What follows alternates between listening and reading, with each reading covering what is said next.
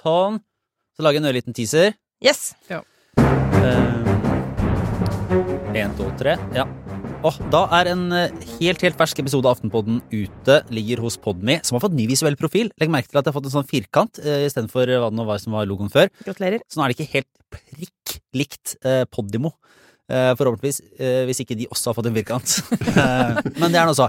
Det ligger ute hos Podmy eller i Aftenposten-appen, så, så løp og lytt denne ukens Aftenpodden. Vi har Kjetil Alstheim på plass i Davos sammen med Eliten, der du har spotta segmentkjendiser.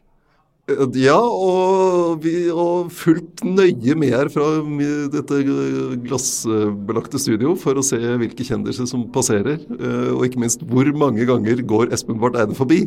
Det er dagens mysterium. Og så har vi vært innom eh, altså Arbeiderpartiets gladere uke, fordi eh, de har kunnet kose seg med å se hvordan Rødt eh, skvises i offentlighetens lys på i Ukraina-spørsmålet. Det har vært en fest. Og så har jo Sara endelig fått politisk uttelling for sitt eh, influenser... Eh, nøye overvåkning av Influenser-Norge. Yes. For der finnes det politikk. Eh, skal du dele bilder av barna dine på Instagram og tjene penger på det?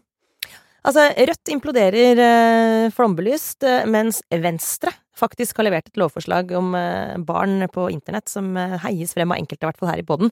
Så det er egentlig en god miks, vil jeg si, denne uka. Ja, og så snakker vi om den store, gryende krisen, krisen parallell med klimakrisen, nemlig eh, krisen i helsevesenet. Litt mer krise. Oi, oi, oi. Nei, der er det bare å glede seg. Eh, Løp og lytt denne ukens Aftenpodden ute hos Podmy og i Aftenposten-appen nå. Ja! Yeah!